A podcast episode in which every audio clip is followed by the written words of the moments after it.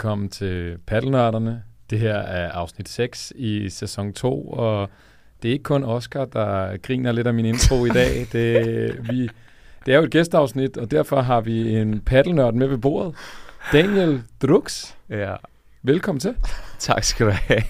Du er jo, øh, ligesom mange af vores andre gæster, kendt for alt muligt andet ja. end paddle, men du er jo også noget af en paddelnørd, en paddelspiller, og så også en paddeltræner. Ja, Er det rigtigt forstået? må man gerne, må man gerne kalde sig det? Hvis man har taget et øh, kursus øh, ja. I at være paddeltræner, det har du jo. Ja. Skal vi lige snakke om, hvor god jeg var til det kursus? Jamen det, nu var jeg instruktør, og jeg kan jo fra, øh, fra først, som førstehåndsvidende fortælle, at øh, jeg har aldrig set en være så dedikeret, tage så mange noter og stille så mange kvalificerede spørgsmål, så ja. man kan sagtens definere dig som en paddelnørd. Wow. Det vil jeg i hvert fald vurdere. Tak, tak for invitationen. Det er, Bestemt. jeg har været med i mange store ting, men det her det er måske en af de største. Jeg har, det er en af dem, jeg har glædet mig allermest til. Jamen, det, er vi, det er vi enormt glade for at høre, og øh, Oscar, det er jo dig, der skal præsentere Druxes øh, CV. Ja. Så det, øh, må, Og du må du gerne allerede, øh, ja, været lidt inde på noget af det. Mm. At øh, en øh, kyndig paddelnørd, paddeltræner også. Øh, så har du øh, haft din egen podcast, Rejsen, Mm. som var kæmpe, kæmpe stor, kan man vel sige, hvor du øh, interviewede nogle øh, store internationale stjerner. Og øh, Og den har, vi, den er der, har jeg i hvert fald lyttet til. ja, Jeg synes, afsnittet med LOC var verdensklasse, for eksempel. Ja. ja, det har jeg også Hvis hørt. Og med problemer Stormzy med og, kærlighedsforhold, skal man i hvert fald lige til dem med LOC, så der kommer nogle gode fifs. Ja. Øhm, og så er du øh, stifter, træner, holdleder, kan man sige det?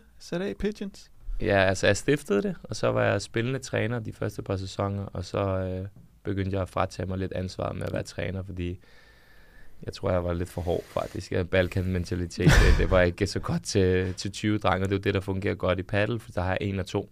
Ja. Det her med at have så mange på et hold, 15 til en træning, det, det var min tålmodighed og temperament, men det var også bare de drenge, jeg havde. Nu, nu er det også sådan et, de kom jo bare, det hele var gratis, men nu, nu betaler folk jo noget. Der er jo ikke, Ja. der er jo ikke nogen, der betaler en paddeltræning og kommer ud og er useriøse. Nej, nej. Det vil være underligt i hvert fald. Så det er sådan lidt, øh, der er sjovt, der har jeg jo helt vildt god tålmodighed. Ja. Og, men, og for, at tage, for at tage lytterne i hånden, ja. Ja. så var det jo et futsalhold. ja, Der har jo nemlig også været et Lunar Liga-hold, der havde sat af Pigeons. så Ja, ja man det ikke er der må- stadigvæk. Men I havde jo flere landsholdsspillere vi på, og ja, vi, ja, det, der var ret interessant, og det, det var jo, at jeg har jo ikke nogen futsaluddannelse, og så alligevel med 1 til 0 træninger om ugen, formåede med at lave 3-4 landsholdsspillere og vinde over de forsvarende otte gange i træk Danmarksmester. To gange vandt vi over dem, og der er ikke nogen andre, der vinder over dem overhovedet.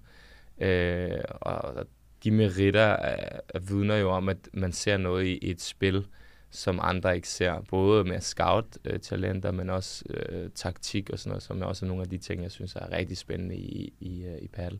Men jeg har lige lukket holdet ned faktisk for at bruge mere tid på paddle. Så øh, det glæder mig til, fordi at, øh, det med at være formand i en forening og bruge så mange frivillige kræfter og alt sådan noget, det kan, det kan godt tage hårdt på en, men det er fandme også givende mm-hmm. at arbejde med sådan en gruppe mennesker og se nogle resultater. Og vi har jo lavet nogle ret syge ting, som, altså, som er Danmarks historieting, som for eksempel vores trøjer kunne du få i FIFA. Ja. mm-hmm. Altså du rigtigt. kunne gå ind og spille i FIFA, så Ja. ja. spillede du med vores trøjer. Det er jo, altså, det er jo helt hjernedødt. Jo. Det er Ja. ja. en af verdens største spil. Så Ja. er der bare sådan en lille forening, klub i Danmark, som, hvor man kan spille med. Det var, det var så sygt. Så mange fede meritter. Ja, og Ja. når man kigger på ud over trænerlandskabet i, Mm. I de danske paddelhaller, så er det jo ofte trænere, som har erfaringer eller kompetencer fra andre sportsgrene, ja. fordi sporten stadig er så ny, som den nu, ja, nu er. især fra tennis, ikke? Ja. Så jeg synes, det er spændende lige pludselig, at man har en træner, der får, kommer fra futsal, fordi futsal minder jo faktisk meget mere om, synes jeg, om basket og, og, og hvad hedder det, håndbold, end det Mm. mm. minder om fodbold. Hmm. med alle rotationerne og screeningerne, dødboldene og sådan noget. Øh, så jeg prøver ligesom også, når jeg træner, at implementere meget boldspil i opvarmning, øh, hvilket noget, man manglede rigtig meget, synes jeg, da man spillede futsal. Men i, altså, jeg kan godt lide at implementere, at bolden er i spil, så glemmer du, du varmer din lov op, for eksempel. Jeg har nogle drills, jeg laver. Jeg har ikke set nogen andre lave dem, men folk er virkelig glade for dem, fordi det er noget med en bold at gøre. Ja, og når, og når vi snakker. Ja. drills, så er det jo tit i en sen nattetime, at jeg får en besked for dig, Ja. ja. Ratterdux, hvor der står, hvor der er en, en video fra Instagram eller et eller andet. Hvad med den her øvelse? Hvad med den her øvelse? Ja. Og så sidder vi og sparer lidt over, ja. Ja. hvor fed øvelsen er, hvad kan man bruge den til, og hvordan kunne Ja. man måske forbedre den også. Ja. Ja. Så det er jo, du er jo en øvelsesnørd ud over det hele. Det, Ja, ja. ja. det, er vi, det er vi glade Men for ja. at høre. Jeg har lavet lidt af hver, Oscar. Jeg har jo Ja. været i gang i 12 år som selvstændig. Og Ja. Ved du, hvad jeg lavede før jeg lavede fodboldprogram? Lad os se, om du har lavet din research ordentligt. Nej, det er jeg faktisk ikke klar over. Kom Ja, du er også ung, det er derfor. Ja, Måske jeg ved har, Mark set, det. jeg har set Lad os se, om Mark ved det. Ja, nu skal, nu skal Jeg jeg, kom jo om. ikke ud af det blå og blev en, øh, blev en øh, fodboldjournalist, prisvindende fodboldjournalist ud af det blå. Ja, men altså, du har jo haft så Jeg meget kom- med Prøv at musik. tænke, hvis jeg, ja, Du har haft så meget med musik at gøre, så jeg tænker, at øh, det er i den uh, branche. ja, jeg var faktisk... Øh, jeg snakkede lidt med Rasmus Brohav, som en af de største YouTubere, og Mm. en af de første også, at øh, jeg tror på, på en eller anden måde er en af de første, der lavede en blog i Danmark på den måde, med et online-magasin og YouTube-interviews på den måde. Det var tilbage i 2010. Øh, der startede jeg faktisk, så jeg var selvstændig som 22-årig, og der har jeg faktisk ikke kigget tilbage, så jeg har, men jeg har ikke nogen uddannelse, så jeg har faktisk øh, været selvstændig i 12 år med, med to virksomheder. Sejt. Så før det, der lavede jeg interviews. Jeg havde ligesom det, ligesom Soundvenue, så havde jeg min egen, men bare sådan for rapmusik for gaden. Så alle de, der, alle de store artister, du ser nu, Gilly og Casey og Benny James, alle dem, der er store nu, har jeg jo været en af de første i Danmark, der har interviewet eller booket til deres første show på Distortion og Roskilde og, og sådan noget der. Så meget i urban musik, det lavede jeg før jeg lavede noget med sport og Ja. fodbold og sådan noget. Det var faktisk det, der ligesom gjorde mig populær. Så det der med at starte projekter, synes jeg jo er pisse spændende. Det kan, Og vi, nu- det, det kan vi høre. Du har, Ja, haft, ja. du har haft gang i mange, og du sidder i en Ja. uh, sat af Pigeons uh, Ja. t-shirt, mens, Med øh, logo, ikke? Altså, Jo, jo, jo. paddle-logo, ikke? præcis, Ja, ja. mens Oscar og undertegnet sidder i vores uh, kuetter, så har ja. vi jo også fået en uh, drikkedunk med i dag. Yes. Så det er ikke kun uh, state, men også lidt, uh, lidt vand. Og apropos state, jamen, så står der jo uh, tre Ja. flasker klar, så det må være vores gæst, der vælger først. Hvad vil, Jeg tænker, jeg tager den her. hvad vil du ombord i? Ja, den med passionsfrugt, yes. Ja, jeg hopper på, Og så er det. Ja, så rører jeg på Holger. Holger-drikken. På boblen. Ja, tak. Ja, Tak for nu det. må vi se, om den virker bedre end til US Open. men, øh, men jo, så det har jeg lavet før. Når man skal være en god journalist, øh, Mhm. Oscar, så skal man gøre sin research. Ja, sin research, ja, ja, du har ret. Det er jo noget af det, jeg blev mest ros for. Jeg har jo ret mange priser som øh, hvad hedder det, autodidakt journalist, som jeg er meget, meget stolt af. Blevet booket også til at holde øh, foredrag for TV2 og DR, hvor folk har haft seks år i lange uddannelser som øh, journalister. Det var altså nogle sjove foredrag. Jeg skulle stå der og forklare folk, hvordan man skulle interviewe som autodidakt. Ikke? Jeg kan godt love dig for, der var nogle sure gamle mænd, der kiggede meget underligt på os. Men sådan er det jo. Ja. Så længe der er hjertet med, og man lytter, Ja. så tænker jeg, at man kan komme et langt stykke af vejen. Og det sidste, der mangler på Druxes CV, det har vi været lidt inde på, det er jo det, at du er uddannet paddeltræner ja. ved. Hello Paddle Academy. Ja. Og øh, der var det jo mig, der var, fik fornøjelsen af at være instruktør. Og Ja. det var jo fedt at få en masse nørdede spørgsmål undervejs. ja. Og vi har jo faktisk nogle faste spørgsmål, vi stiller til vores gæster. Okay.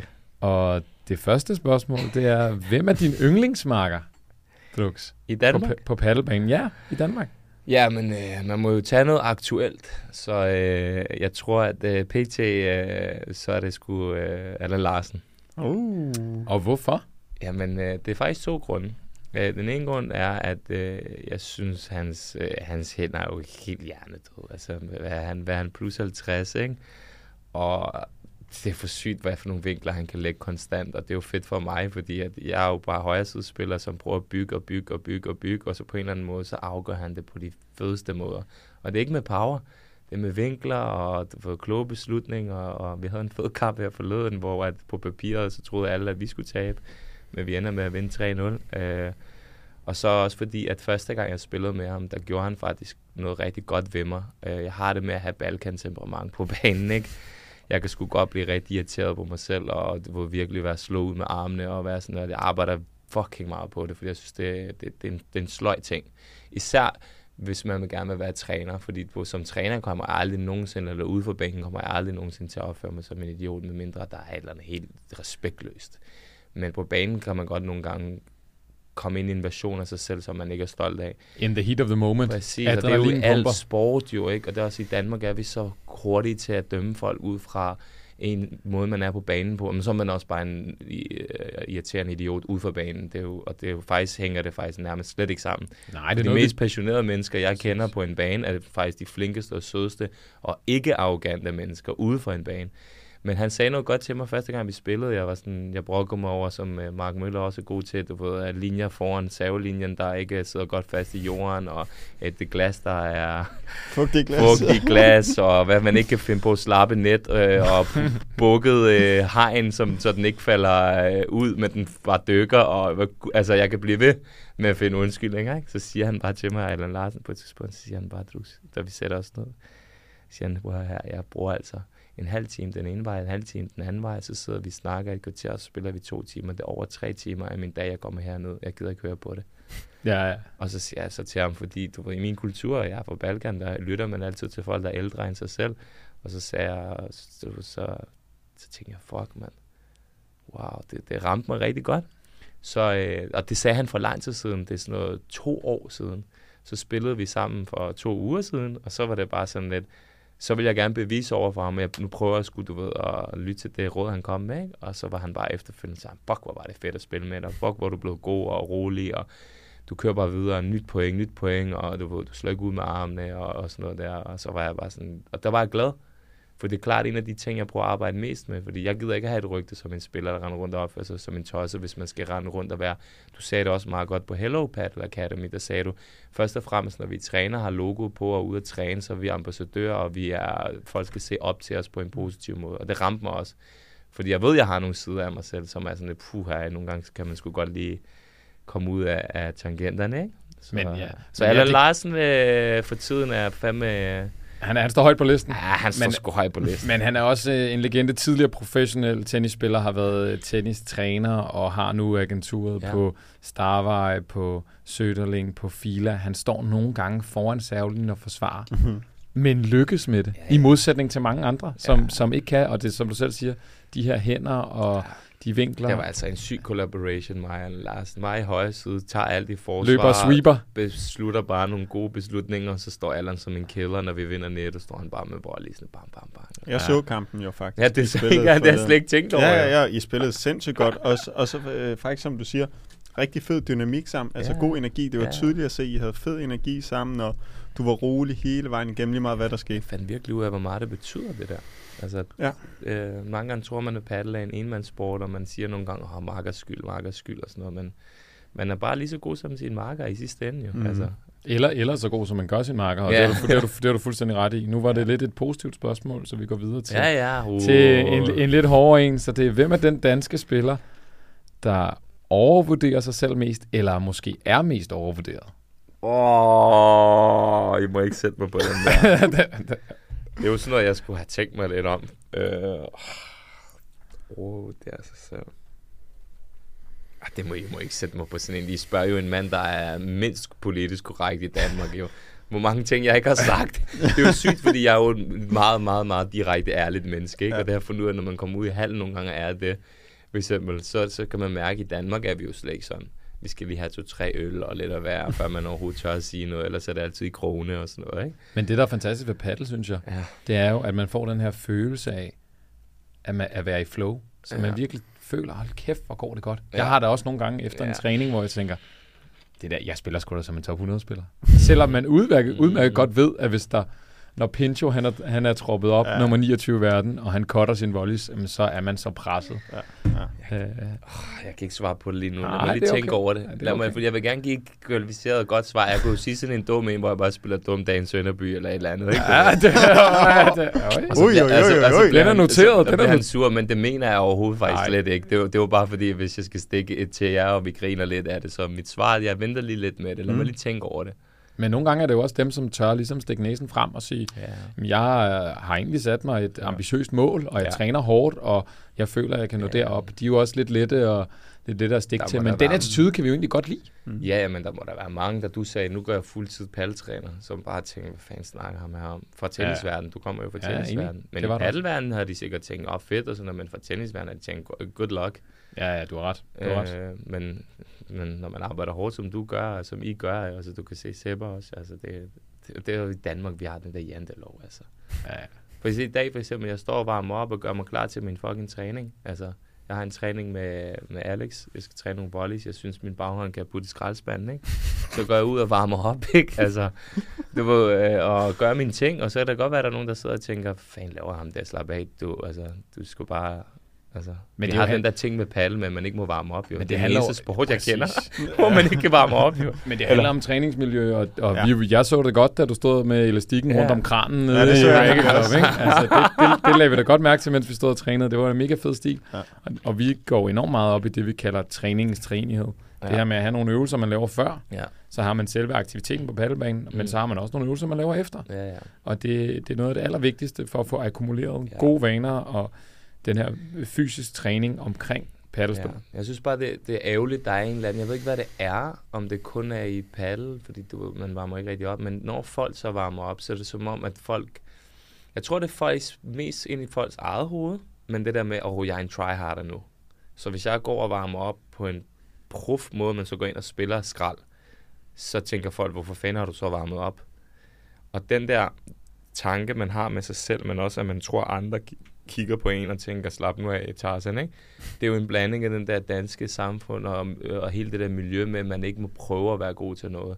Og det er et kæmpe problem, fordi er der kæmpe. er så mange spillere, som er middelmåde, som faktisk kan blive rigtig hurtigt gode ved bare at, kun at switch mindsetet og lave et setup og sådan noget der. Men du var fuldstændig mm. ret, og det var jo i afsnit 4 med, ja. med Maria, der var det blandt andet hvor, øh, mit rant, der gik ud på det her med, ja, det kan men, men husk, altså gør dig umage, og det ja. kræver styrke og mod, og, ja og træne og sige, jamen jeg prøver at, at blive dygtig til det, til ja. det jeg laver.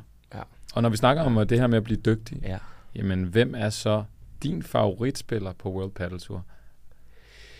Jamen, øh, jeg lytter jo til jeres podcast jo, så jeg synes, det er sjovt at høre, når I diskuterer frem og tilbage om en masse ting. Øh, jeg slugte noget, jeg tror fem afsnit i træk eller sådan noget der lige pludselig. Øh, men øh, altså, min yndlingsspiller er, øh, er Galan. Øh, jeg synes, hånden på hjertet faktisk også, han er den dygtigste øh, spiller. Øh, så nogen siger, hvad mener du, Tabia Coelho og bla bla bla. Men øh, jeg tror, hvis øh, Galan får en øh, anden højre side marker, øh, så tror jeg, at øh, de vil se, fordi han er så all around. Jeg tror, han er blevet lidt irriteret over den der skadet, øh, skadet ja. LeBron-type, og han, jeg kan se, at han begynder at vise nogle tegn på banen, han ikke har vist før. Men klart, altså hvis jeg kan sige sådan, du ved, ham jeg kigger mest på, og jeg har sjovt nok trænet med hans træner, øh, det er jo Bella, som er den mest vindende paddelspiller mm. nogensinde. Øh, Bella er for mig definitionen af paddle. Jeg ser ham dårligt nok smash. Det er hele tiden mm. gode beslutninger. Det er hele tiden irriterende vinkler. Hele tiden close setups. Og det kommer fra venstre side. Det er det, der er så sygt. Altså, det er ligesom, når jeg træner folk, øh, så nogle gange, hvis jeg spiller, træner en venstresidespiller, spiller, så spiller jeg en masse vibutter, altså en masse volley, så han tager dem. En dygtig venstresidespiller spiller skal nok tage de bolde. Og så siger jeg, okay, men er du klar til Bella Bandera? Og så siger han, hvad er det? Så står jeg bare og spiller sådan nogle fucking irriterende bløde banderas. Og han er helt stresset. Og så siger jeg til ham, det her, det er paddle. Og så bliver du ved, nye spillere bliver forvirret og siger, hvordan kan en blød bold være så meget sværere at tage end en hård bold? Og derfor synes jeg, at for mig, Bella er, er en maestro jo. Altså, du kan være, være en 44 ja. og spille på det højeste niveau som 44-årig.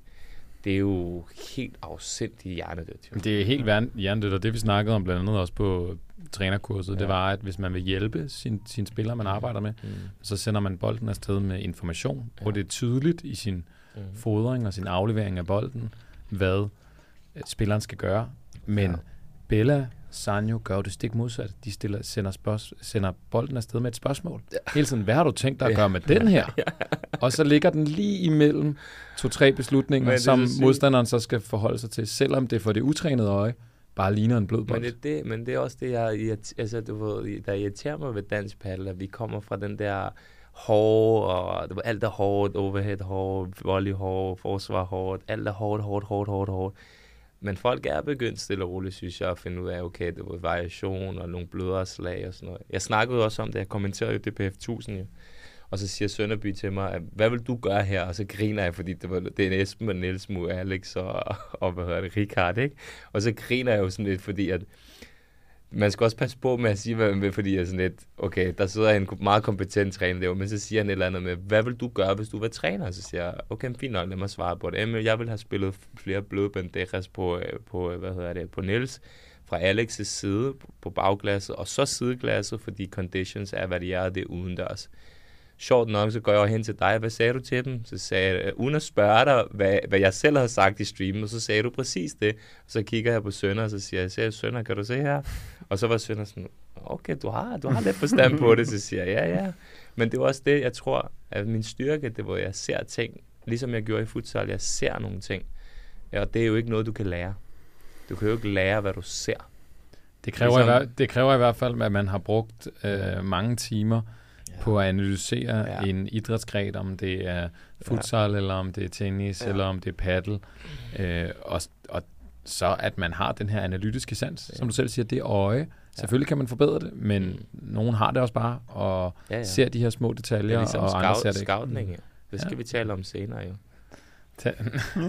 men, men, prøver men, lige men, at klare nogle historier ja, ja, ja, i studio, men ja. vores gode øh, ekstra øh, vært her. Ja, vi, vi, vi er med på det, og, og, og vi kan bare sige, at, at vi deler jo din glæde og passion for, for Bella. Altså, vi elsker Bella, paddelnørden elsker Bella, men det er jo ja. en diskussion, mig og Oscar har haft ja. flere gange. Ja, hvor jeg mener, Galan er verdens bedste spiller pt., ja. så har du jo sagt uh, Tabia. Nå, men jeg er jo kæmpe Galan-fan, det skal jeg slet ikke lægge skuld på, men øh, jeg føler bare, at det Tabia kontinuerligt har gjort så længe er helt, helt outstanding, og måske noget af det bedste, vi har set. Eller det er han noget er af det bedste, også på papiret lige nu, hvis man virkelig skal sådan, så er det jo nok ham, der er den bedste, men du ved, når du virkelig ser en hel kamp, og du ser, hvad, hvad Galan laver, når han ikke bliver altså, provokeret af sin, ja. uh, sin marker, så er det jo sådan noget, hvor jeg tænker, det er jo helt godnat. Ja, men præcis, og spillemæssigt har jeg også Galan til at ja. være den mest komplette. Ja. Altså, jeg synes, alt hvad han laver, er han måske nærmest den bedste i verden til. Altså, det er helt sygt, hvor god han er. Yeah. Men hans attitude, siden han spillede med Suns, og nu igen, mm. hvor han er sammen med LeBron, er sådan den er sgu lidt opgivende ja, nogle gange, ja. ligner det. Du ved, det ligner, han er træt af, og han er sgu lidt ligeglad, om de taber. Og jeg fik også et chok, at lige pludselig begynder ja. han at hakke bolde ind i glasset. Ja, og, og sådan noget tænker, okay. bag om ryggen hele ja. tiden. Og, ja, det ser lidt tjusk ud Jeg har faktisk en sjov, I kan jo godt lide anekdoter jo. Det kan vi godt. I, i, i, i, jeg møder jo Galan første gang ude, de træner ude i ham og LeBron ude i Paddeljarden. Så går jeg over, og, og jeg er jo slet ikke særlig stor fan af LeBron, ikke? Så går jeg over til dem, og alle vil jo gerne have et billede med dem begge to. Jeg går over, og jeg tager kun et billede med Galan, og står kun og snakker med Galan, ikke? Og så kan jeg se, at LeBron bliver sådan lidt irriteret over det, så der, det var, som han nu er jo. Han er jo en sjov type, ikke? Ja, ja. Så begynder han også at komme over sådan, du ved, ikke? Og jeg kommer der, og ser lidt smart ud i tøjet, og uret er der lige, og du ved, ikke? Jeg ligner i hvert fald ikke de andre, der bliver taget billeder med, ikke? Og så, øh, så snakker vi lidt, og så, så siger han så galant til mig, hvad så, du har øh, Red Bull, du har Cup, øh, Cupra, og du har Adidas. Are you the Danish uh, Galant? du, vi har samme sponsorater jo. No, no, no, Galant altså, is the international yeah. drugs. ja, så møder jeg ham så igen nu, før jeres kamp. Hmm. Og så genkender han mig, og så står vi der i, han står og ser en kamp i foreningen, og så siger han high fives, og så siger åh, oh, Danish Galant, siger han så. Så siger jeg så til ham, yes, my, uh, my girlfriend works in L'Oreal now. My, I might have the same sponsorship as you. Han har jo uh, solcreme, uh, yeah. L'Orange det er det der, ikke? Så jeg, maybe I'll get this also. Så siger han, no, no, you're crazy, siger han så, ikke? og så snakkede vi lidt, han er pisse flink. Mm. Og for den sags skyld, altså LeBron var jo også flink. Ham gik jo over til at sige uh, inden kampen med, med jer, så siger han, please give them one point, og sådan noget. så grinte han, så rystede han bare på hovedet, ikke? Ja. Men jeg kan jo godt lide at lave sådan noget. Jeg kan godt lide at farve og lave lidt ballade og sjov og sådan noget. Og det er jo sjovt at se med de der paddelspillere, fordi sporten er jo så ny, så du ved, de har ikke helt fundet ud af, at de snart er verdensstjerner. Nej, og man kan komme så, tæt på dem, og man kan møde man dem og snakke med dem. Prøv at tænke på, hvor mange mennesker jeg har interviewet af verdensstjerner. Vi snakker 50 Cent, øh, Kendrick Lamar, store øh, andre også stjerner og sådan noget, men jeg har aldrig haft den der følelse, jeg er aldrig starstruck. Du ved, så jeg er så ligeglad, du ved, fordi jeg synes, manden i Netto er lige så stor stjerne som en stor stjerne. Sådan har jeg bare vokset op, ikke? Så når jeg går over og siger det der, så tænker jeg jo ikke to gange over at være nervøs, når jeg siger det. Men jeg ved da, at næste gang han møder mig, så kan han da huske mig. Kan du følge mig? Mm. Så jeg, jeg, bare, jeg har nogle sjove anekdoter, men jeg, jeg har kørt også på et tidspunkt. Jeg skal lige komme med en til, Kom den er fucking legendarisk. Jeg ved, jeg kører, øh, jeg kører Mike Jankers og Koki hjem og så sidder der en ældre mand i bilen, ikke? De kunne ikke komme hjem fra Dragør, de havde noget træning der første gang, der var World Paddeltour. og så kunne de ikke rigtig komme hjem, øh, og så spurgte jeg bare, om jeg skulle køre dem til hotellet og sådan noget, og så sidder vi der og snakker, jeg snakker bare lort, det de flækker og griner. De synes, det hele er fucking sjovt og, og sådan noget der. Og så på et tidspunkt, så siger han et eller andet, who do you like? Så siger han, I like Galan, but LeBron, nu er det hate LeBron og sådan noget, ikke? og så finder jeg ud af, at det kræfter med LeBron og Galans træner, der sidder inde i bilen. jeg kunne bare se, at Jankers, du kender ham i selv, ja. han er jo bare siddet og flækket af grin Han er jo sjov, han, han er rigtig over, sjov. Ja, ja, han er jo fucking grin over, han ikke vidste, at jeg bare sad og bare rantede den for sygt, og jeg kunne bare se ham der træneren, ikke? han sad bare sådan her. Og jeg tænkte bare, og så, så siger de så, do you know who this guy is? Så siger jeg, no. Og det var sygt, fordi jeg har ikke tænkt over det. Jeg kunne godt se det nu, når han spurgte. Det han spurgte. Så fuck, det kan han træner. Legendarisk træner, der er head coach på øh, M3 Akademiet. Ja, men, men når vi snakker om... Øh, om Galan, og du har tidligere nævnt, at Allan Larsen er din favoritmarker på dansk jord. Ja, PT. PT. Ja. Hvem vil så være din favoritmarker internationalt set? Vil det være Galan? Altså, jeg kan jo kun finde ud af at spille højre side. Hvis du putter mig i venstre, så hedder det niveau 2,5. Altså, det er så sygt, hvor dårlig jeg bliver. Når jeg, men jeg har også spillet hånden ved hjertet 95 procent af alle mine paddelkampe i højre side. Mm. Jeg synes også, at højre side tingene er mere interessant. Jeg synes, der er nogle... Jeg er jo en analyserende, du ved, få fejl. Du kan se også, at jeg kommer fra Djokovic land, ikke? Altså, du ved, hvis vi skal snakke tennis, ikke? Det er Altså han er bare analyse, analyse, analyse. Ikke? Det er ikke uh, power hele tiden. Men uh, jeg, jeg, jo, jeg synes 100% Galan vil jo være fedest, ikke? Men, uh, men uh, jo, Galan, Galan, Galan, ja. Fedt. Jamen ja. det kan jeg godt forstå. Jeg har også uh, uh, tidligere sagt, at han står også uh, højt på min liste. Ja, det må uh, være fedt at spille. Det er sjovt ikke, hvor, hvor, hvor meget man bliver bedre, når man spiller med en god venstresidespiller, altså som højresidespiller. Ja, det er helt hjernet hvor meget man kan løfte sig i niveau. Ja, vi snakker meget om, at man matcher ja. hinanden både mentalt og taktisk, ja. og hvis man finder det, og det klikker, jamen ja. så bliver man så rolig, og banen føles lige pludselig stor på den anden side, og lille på ens egen, og det, og det er jo en... Men også bare fordi setup volleys er jo så undervurderet en ting du ved, i Danmark kigger vi altid øh, på sidste skud, mm-hmm. og hvor ja, jeg plejer ja, ja. at sige til der folk... Tror jeg, du skal, der tror jeg, du skal glæde dig ja. til mit rant senere, fordi Jamen, det, det vil du nok være Jeg snakker rigtig meget om det i fodbold jo. Assisten er lige så vigtig som ja. scoringen jo. Altså, du ved, og jeg tror, i Danmark har vi så meget tendens til at sige, åh, oh, fed kick smash. Hvor jeg er sådan lidt, bro, den der kick, han er aldrig kommet, hvis han ikke lagde en, flød, en, en, en blød, øh, hvad hedder det, baghåndsvolley ned i tæet, mm. som ikke kan skrabes op andet end at løfte en eller anden lorte slag. Så jeg, jeg, jeg synes, der er rigtig mange ting, vi kan blive bedre til i, i dansk paddle, og jeg prøver virkelig at preach det rigtig meget, når jeg træner folk. Øh, så det ikke kun er te- teknik konstant. Det, det, det tror jeg er essentielt, og man siger jo tit i paddle, at det er mere et taktisk spil end ja. et teknisk spil, så det her med at i hvert fald inkorporere de taktiske elementer, det er 100%. enormt vigtigt. Men, øh, hvis Galan? du, Galan ja. er nævnt, ja. hvis du skulle sætte to spillere sammen, dit sådan, ønskepar, nationalt og internationalt, hvem, oh, vil, hvem, okay. vil, hvem vil du så sætte sammen? Nationalt og internationalt. Uha.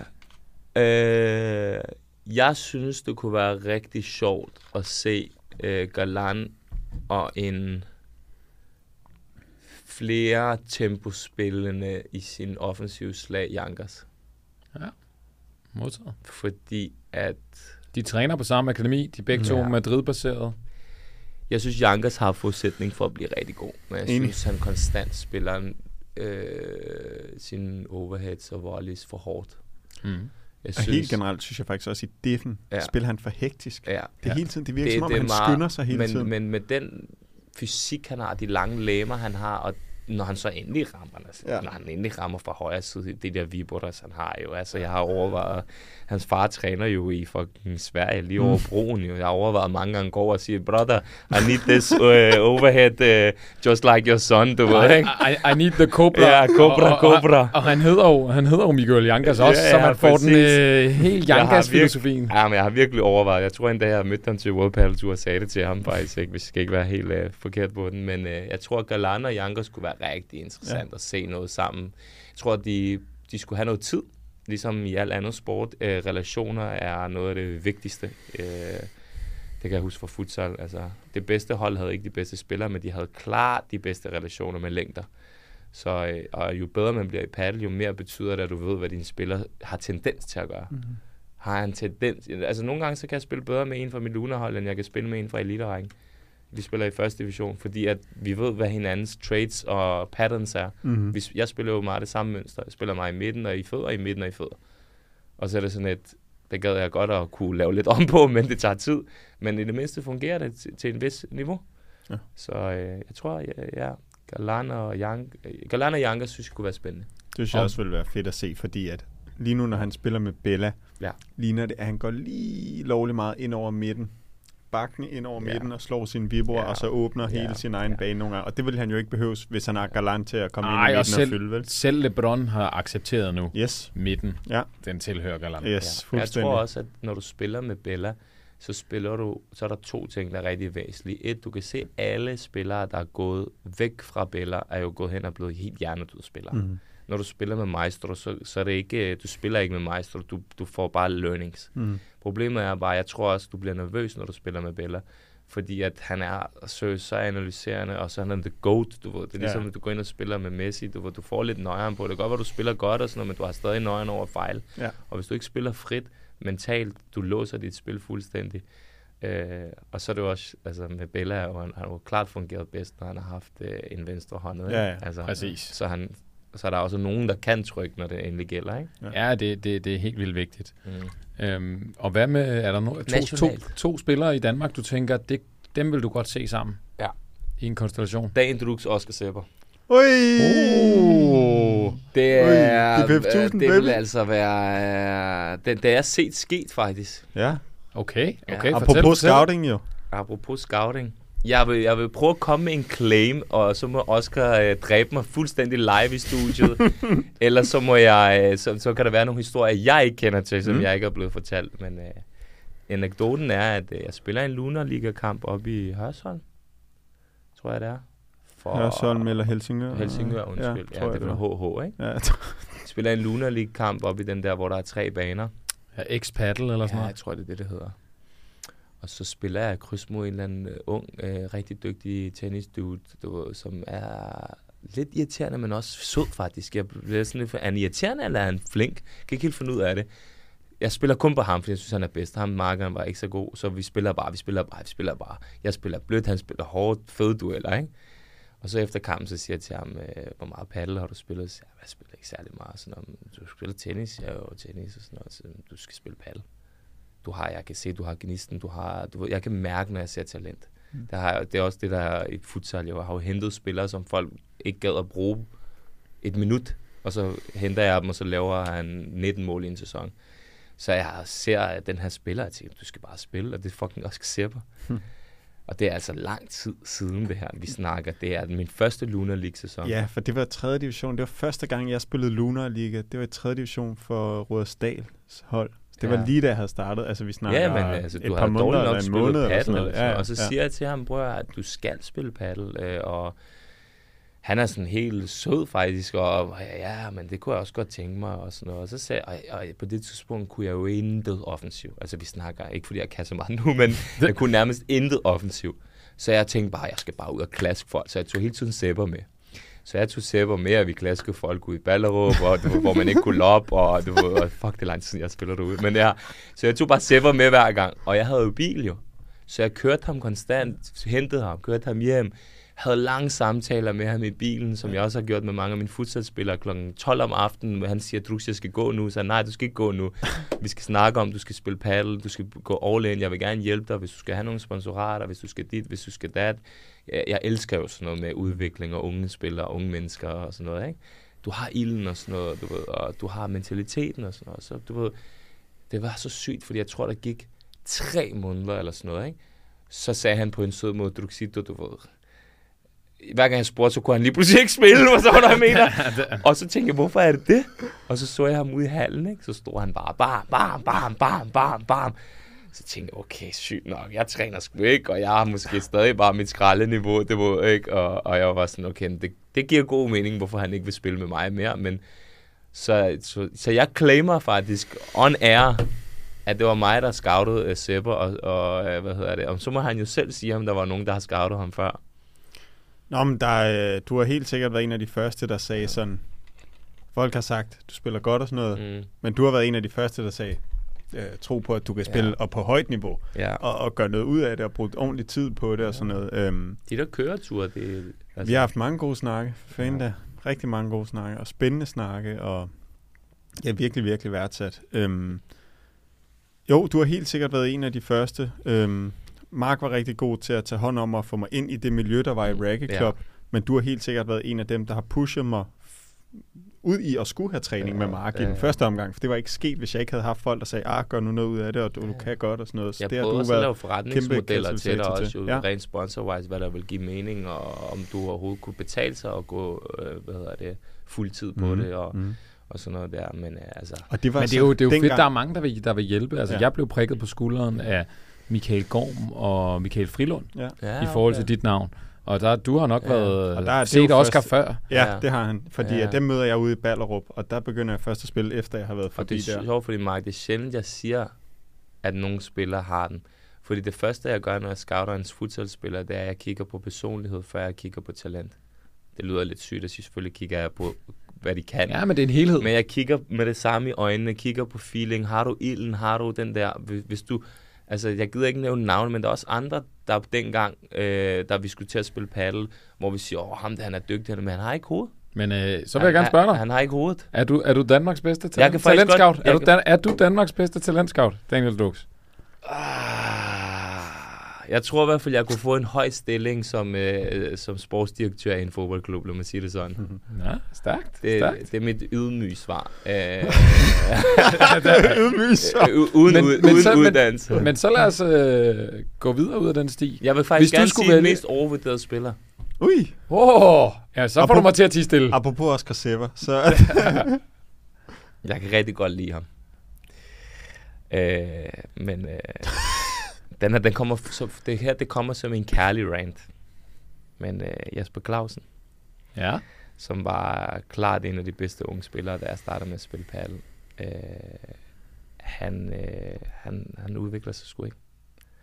Og det er et rigtig specielt eksempel på, hvor meget du kan have så god teknik, og du kan have, det spiller så flot, og det ene og det andet. Men hvis du ikke putter hours ind, hvis du ikke har beslutningstagning, hvis du ikke har alle de her ting, så stagnerer det. Og det, det er sjovt med paddle, fordi du kan træne, træne, træne, træne, og så det er det samme, alle siger. Så rammer du sådan en dum, mm. hvor det ikke handler om din teknik mere. Det handler ikke om alt det her, som man tror, det handler om. Fysik, teknik, alt det. Det handler faktisk om, hvor god er du i hovedet, og hvad for nogle beslutninger tager mm. du. For det går så hurtigt. Det går så hurtigt. Jeg er i hvert fald enig med, at, at, at og grund til... At sådan og det, er, det er et kærligt rant, fordi du ved, at jeg rigtig godt lide ham. Og, og jeg håber seriøst, at han slår igennem, og jeg håber, at han gør sine ting og alle de her ting, men på papir, når du ser udefra, så tænker du, hvis du ikke ved noget om paddle, så tænker du, wow, hvor er ham der vild, statur, alt.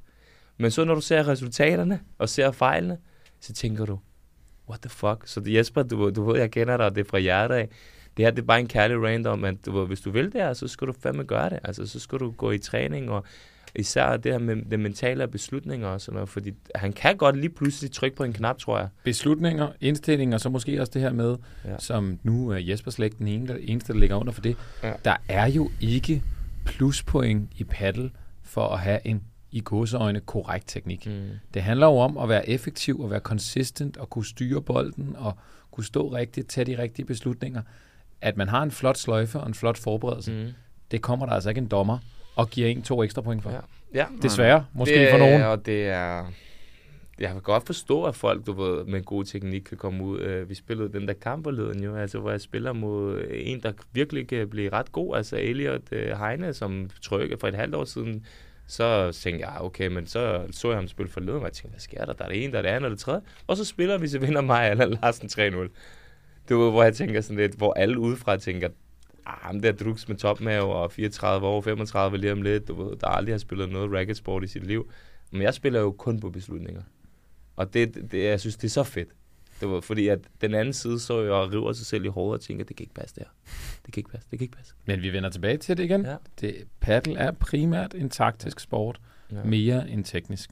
Ja, jeg og når, det. Og når vi snakker, når vi snakker her om unge talenter, vi snakker om Elliot, vi snakker ja. om Jesper Clausen, vi snakker om, at øh, du var den første til at scoute en ung Oscar Sepper. Jamen, jeg, Jamen jeg, hvem, jeg, har jeg, du, hvem har du ude i, det, i paddellandskabet, som hvis vi puttede ham under dine vinger, vil kunne klare den hele vejen til den professionelle øh, til hvad? turneringsstruktur. Til, til uh, DBF 1000 og sådan noget? Måske til DBF 1000, måske endnu højere. Har du, har du nogen derude i landskabet, Fedt. der tænker, hvis de, hvis de kommer ud øh, under øh, Druk, Druxitos vinger, så skal der tænke sig her. Rent fysisk ikke, så har jeg set en ret spændende spiller. Uh, han spiller badminton. Jeg tror, han hedder Victor Svendsen eller sådan noget. Har I set ham? Er det ikke det, han hedder? No, det ja, hvem tænker du ham, øh, der har spillet tennis? Uh, Victor Nej, badminton. Fransen? Badminton. Ah, okay. Det er en ny en. Kender jeg Svendsen Fransen kender, kender jeg godt, men det, det er en, han spiller vist prof badminton, tror jeg. Okay. Altså, du kan ikke loppe den, uden på, han tager den. På, øh, på Sjælland? I Racket ja, Club? Han er begyndt at spille, bag, hvad hedder det, han er begyndt at spille, øh, det her det er rent ud fra et fysiologisk, mm-hmm. øh, fordi jeg har ikke set en person bevæge sig så hurtigt før, udover Oscar Sæber, ikke? som er den eneste, der kan hoppe og slå en overhead og stadig være ved nettet på to sekunder efter, fordi han er hurtig. Niels og Esben er, fordi de er lange. Det er to forskellige grund, måder, man kan komme frem på, men ikke fordi jeg siger, at han kommer til at blive et eller andet, men når jeg ser hans fysiske, altså du, når du lopper, det er lige meget, hvor langt frem på nettet han er, den er ikke over hans hoved. Og det synes jeg er, allerede der er rigtig interessant. Det er skræmmende i hvert fald fra øh, et spillersynspunkt, hvor man måske gerne vil skabe sin transition ja. og vinde nettet ved at loppe over folk. Ja at han lige pludselig piller det værktøj ja. ud, så skal man det, spille enormt og ved du, smart og præcist. Han gør det baglæns. Ja, imponerende. Som er no-go. Vi skal altid sidelæns på, små skridt sidelæns.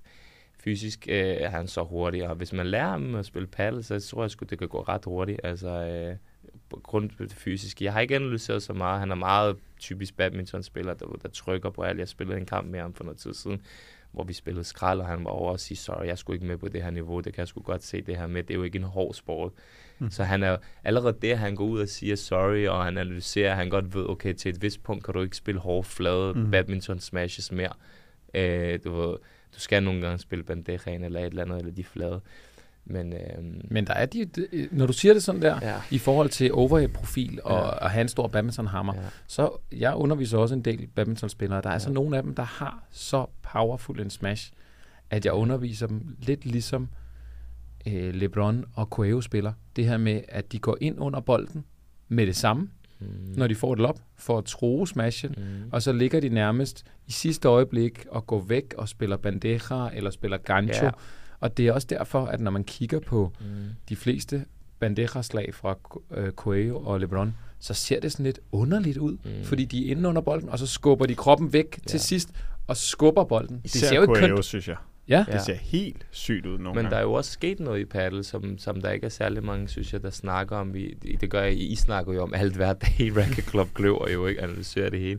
Men når man snakker sådan ude i den brede befolkning, har jeg lagt mærke til, at det der med at, at lave kick smash ud af buret, er folk blevet så dygtige til at gå ud og hente, så den flade smash tilbage på banen, som mm. ikke kan hentes, er blevet et våben, der er begyndt at blive meget mere brugt nu, mm. hvor at den blev ikke brugt for nogle få år tilbage. Øh, er vi et, år, et år tilbage blev ja. den næsten aldrig brugt. Enig. Det synes jeg Enig. faktisk er, og derfor er den flade, selvom jeg synes ikke, den er så pæn, øh, er et sindssygt våben, hvis man har den. Øh, så, så det synes jeg faktisk er ret interessant, kigger mm. man på ordet paddeltur. Mega interessant, og også det her med, at den flade smash, selvom den nogle gange ryger ud over træerne, mm. så er den jo hurtigere i luften, ja. så den giver ikke ja. samme tid Spænden. til at blive hentet. Og, og derfor så ja. det her med at kunne lave en flad kort smash, ja. som er højt på glasset og går tilbage, mm. eller en flad dyb smash, som holder sig lav og ja. stikker af, to generelt undervurderet slag Meget. på alle niveauer. Jo højere niveau vi kommer, også i den danske elite, er det bliver det bare en nødvendighed. Hvis vi var oppe og spille internationalt, så kan vi glemme alt om. Så løber de ud og henter dem hver gang. Mm. Altså, ser du på World Padel Tour, den bliver næsten ikke slået vinder på kicksmassene, mm. fordi de er ude af buret ja. hele tiden. Med mindre conditions og, er... Ja, ja, klart, klart, klart. Øhm, og noget andet er, at der kommer flere og flere out of court baner også i Danmark. Ja. Og vi bliver bedre og bedre til at løbe ud, vi løber ud, så den bliver vigtigere og vigtigere at få den her tilbage på egen halvdel. Også uh. noget, vi er begyndt at træne mere og mere. Ja, vi har en fast regel om, at når vi træner smash, jamen, så træner vi altid både kick smashen, men vi træner altid også den flade smash. Mm. Og en anden regel, vi har, når vi træner smash, mm. det er, at vi altid gør det med nye bolde. Mm. Og det er fordi, at det er essentielt, at vi træner teknik og timing, og så snart, at vi har dårligere bolde, jamen, så vil man automatisk begynde at bruge flere kræfter. Mm. Det er hårdt for skulderen, men det går også ud over teknikken og timingen, yes, så man det, man i sidste ende skal slå den ud på. Fuldstændig. Fuldstændig. Men nu, ja. har vi, nu har vi snakket lidt om... Men øh, mig og Oscar Sepper i hvert fald, øh, det, det, det, altså, det, det gør altså... Det, vi har ikke været, vi ikke spillet sammen i to og et halvt år. så længe siden er det ikke engang. Ja, skal, I, jeg skal nok købe dig til en... Uh, til, det, oh, det, der, hvor man køber så... Uh, det skete jo for Pistol Pete forleden jo. Så fik han en tusse for at gå ud og spille en turnering. Det, det er jo det, man... Det, det, er det, du skal tjene dine nye business, penge på, bror. Business. Alle har ny, ny forretningsmodel øh, til Mark Movie Game. Du kan booke, udlej, udlej. Øh, booke mine spillere øh, til at være med i en turnering. Det, Sej, det er, altså, hvad, skal det koste? hvad skal det koste? Sejrsgaranti, eller alle pengene tilbage. hvad skal det koste? Det tror jeg ikke bliver Kom nu, nu, nu skal jeg putte dig på spidsen. Hvad skal det koste, hvis man skal lege dine spillere til turneringskamp? Alt, alt, hvad vi laver i forhold til Carla og Oscar, det, det handler om at sætte deres... Alex er også med. Alex, det handler om at sætte deres performance i scene, så de kan ikke købes uagtet Så hvis jeg kommer med 10 lapper nu og siger, at jeg skal have uh, Sepper med til næste DBF 400, så, øh, så, så kommer Sepper. Så, så, vil, så, vil, så vil vi tage et langt møde, men øh, jeg tror ikke, at du vil lykkes. Okay, okay. Ah, men der bliver også trykket skies i Mark Movie igen. så det er fint nok. 10 lapper, det er nothing, som man siger. De bliver i hvert fald, alt hvad vi får, det bliver investeret igen. Og der er, og, øh, 10 lapper, men en tur til Diagonal, det når vi ikke så langt før, Nej, når det vi snakker 10 lapper. Desværre. desværre. Men øh, hvis vi skal kigge, nu nævner du omkring nogle af de her elementer og aspekter af spillet i forhold til at scoute, i forhold til beslutninger, ja. baneposition, nye tendenser, som du ser, ja. som ikke mange andre ser. Ja. Nu øh, har jeg, kommet jeg med spørgsmålet, om du måske er den, den bedste scout i det danske paddelmiljø. Nej, Men hvad med, hvad med træner? Hvor, jeg, hvor, hvor dygtig en træner er du, og måske mere øh, et spørgsmål, man selv kan svare på. Hvad er din største styrke som træner? Først og fremmest så synes jeg, at det, at det, det, det er interessant at se det her med, at hvor stor sporten er i, altså det er jo verdens hurtigste voksende sport, Danmarks hurtigste voksende sport, og den boomer bare, og der, der er gas. Og så synes jeg, det er vildt at se desværre manglet på træner. Mm-hmm. Dygtige træner i hvert fald. Øhm, når en sport udvikler sig med så rivende fart, så giver det jo god mening, at vi også skal udvikle på øh, træner, men også en anden ting, som hedder dommer. Øh, hvor I fodbold ved du, at der står folk derude til nærmest ingen penge, men de gør det af passion, og de vil godt lide at være dommer ude på Kløvermarken klokken 10 om uh, formiddagen en søndag, ikke? og bare Selvom det kan være svinet til, bare ja, en fucking hund og sådan noget. Det må, ikke? Men du må, altså, så der er nogle uh, aspekter i paddelverdenen, som, som er sådan lidt, uh, folk uh, tænker ikke så meget over. Alle vil jo være enten prof, eller skal de bare spille, spille, spille, og ikke træne, hvilket også, at folk er begyndt at finde ud af, at det der med at træne, det ret hurtigt kan man faktisk blive ret god, ikke? Men uh, jeg synes, uh, jeg synes, altså, nu har jeg selv prøvet at blive trænet af Bellas træner, Alex Ruiz træner, og jeg sidder jo hånden på hjertet de sidste to og et halvt år. Der har jeg siddet hver evig eneste dag og brugt en halv time på at se paddelvideoer. Øh, om det er det ene eller det andet, eller tredje, det fjerde, eller femte af træning. Og prøver ligesom at lave min egen form for træning, som kommer fra inspiration fra alt muligt. Det kan både være fra fitness, det kan være fra basket, det kan være fra whatever. Jeg prøver virkelig at implementere alle de fede ting, der er fra de forskellige sportsgrene. Mine to fædre spiller på basketlandsholdet, så basket har været meget tæt på mig.